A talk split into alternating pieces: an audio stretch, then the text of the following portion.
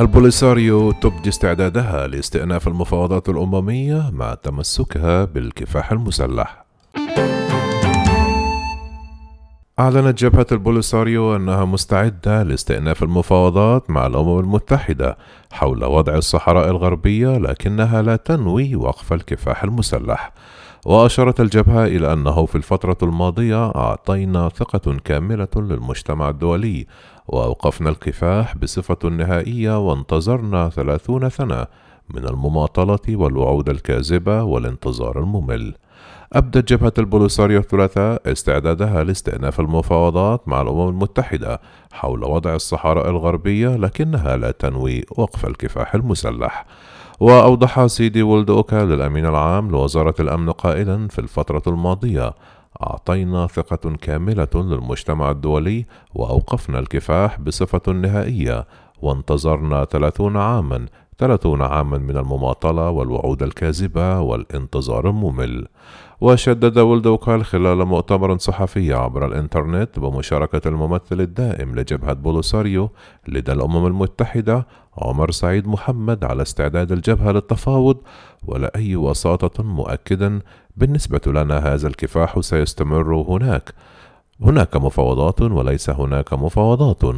وهذا انطلاق من التجربة الماضية للشعب الصحراوي. وتعتبر جبهة بوليساريو أنها في دفاع مشروع عن النفس منذ أرسل المغرب في الثالث عشر من تشرين الثاني نوفمبر قواته إلى أقصى جنوب المنطقة لطرد مجموعة من الناشطين الصحراويين كانوا يقطعون طريقا مؤديا إلى موريتانيا المجاورة.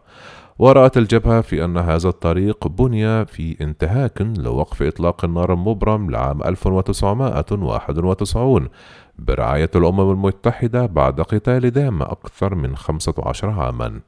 وتبع ولدوكال هذه الحرب تقوم منذ 67 يوما.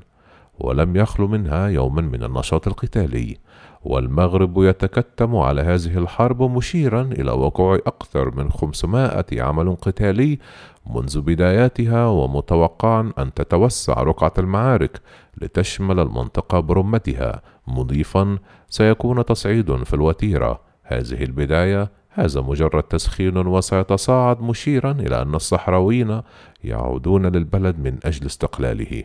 يذكر أن المغرب يسيطر على 80% من هذه الأراضي الصحراوية التي تبلغ مساحتها 266 ألف كيلو متر مربع ويقترح منحها حكما ذاتيا تحت سيادته.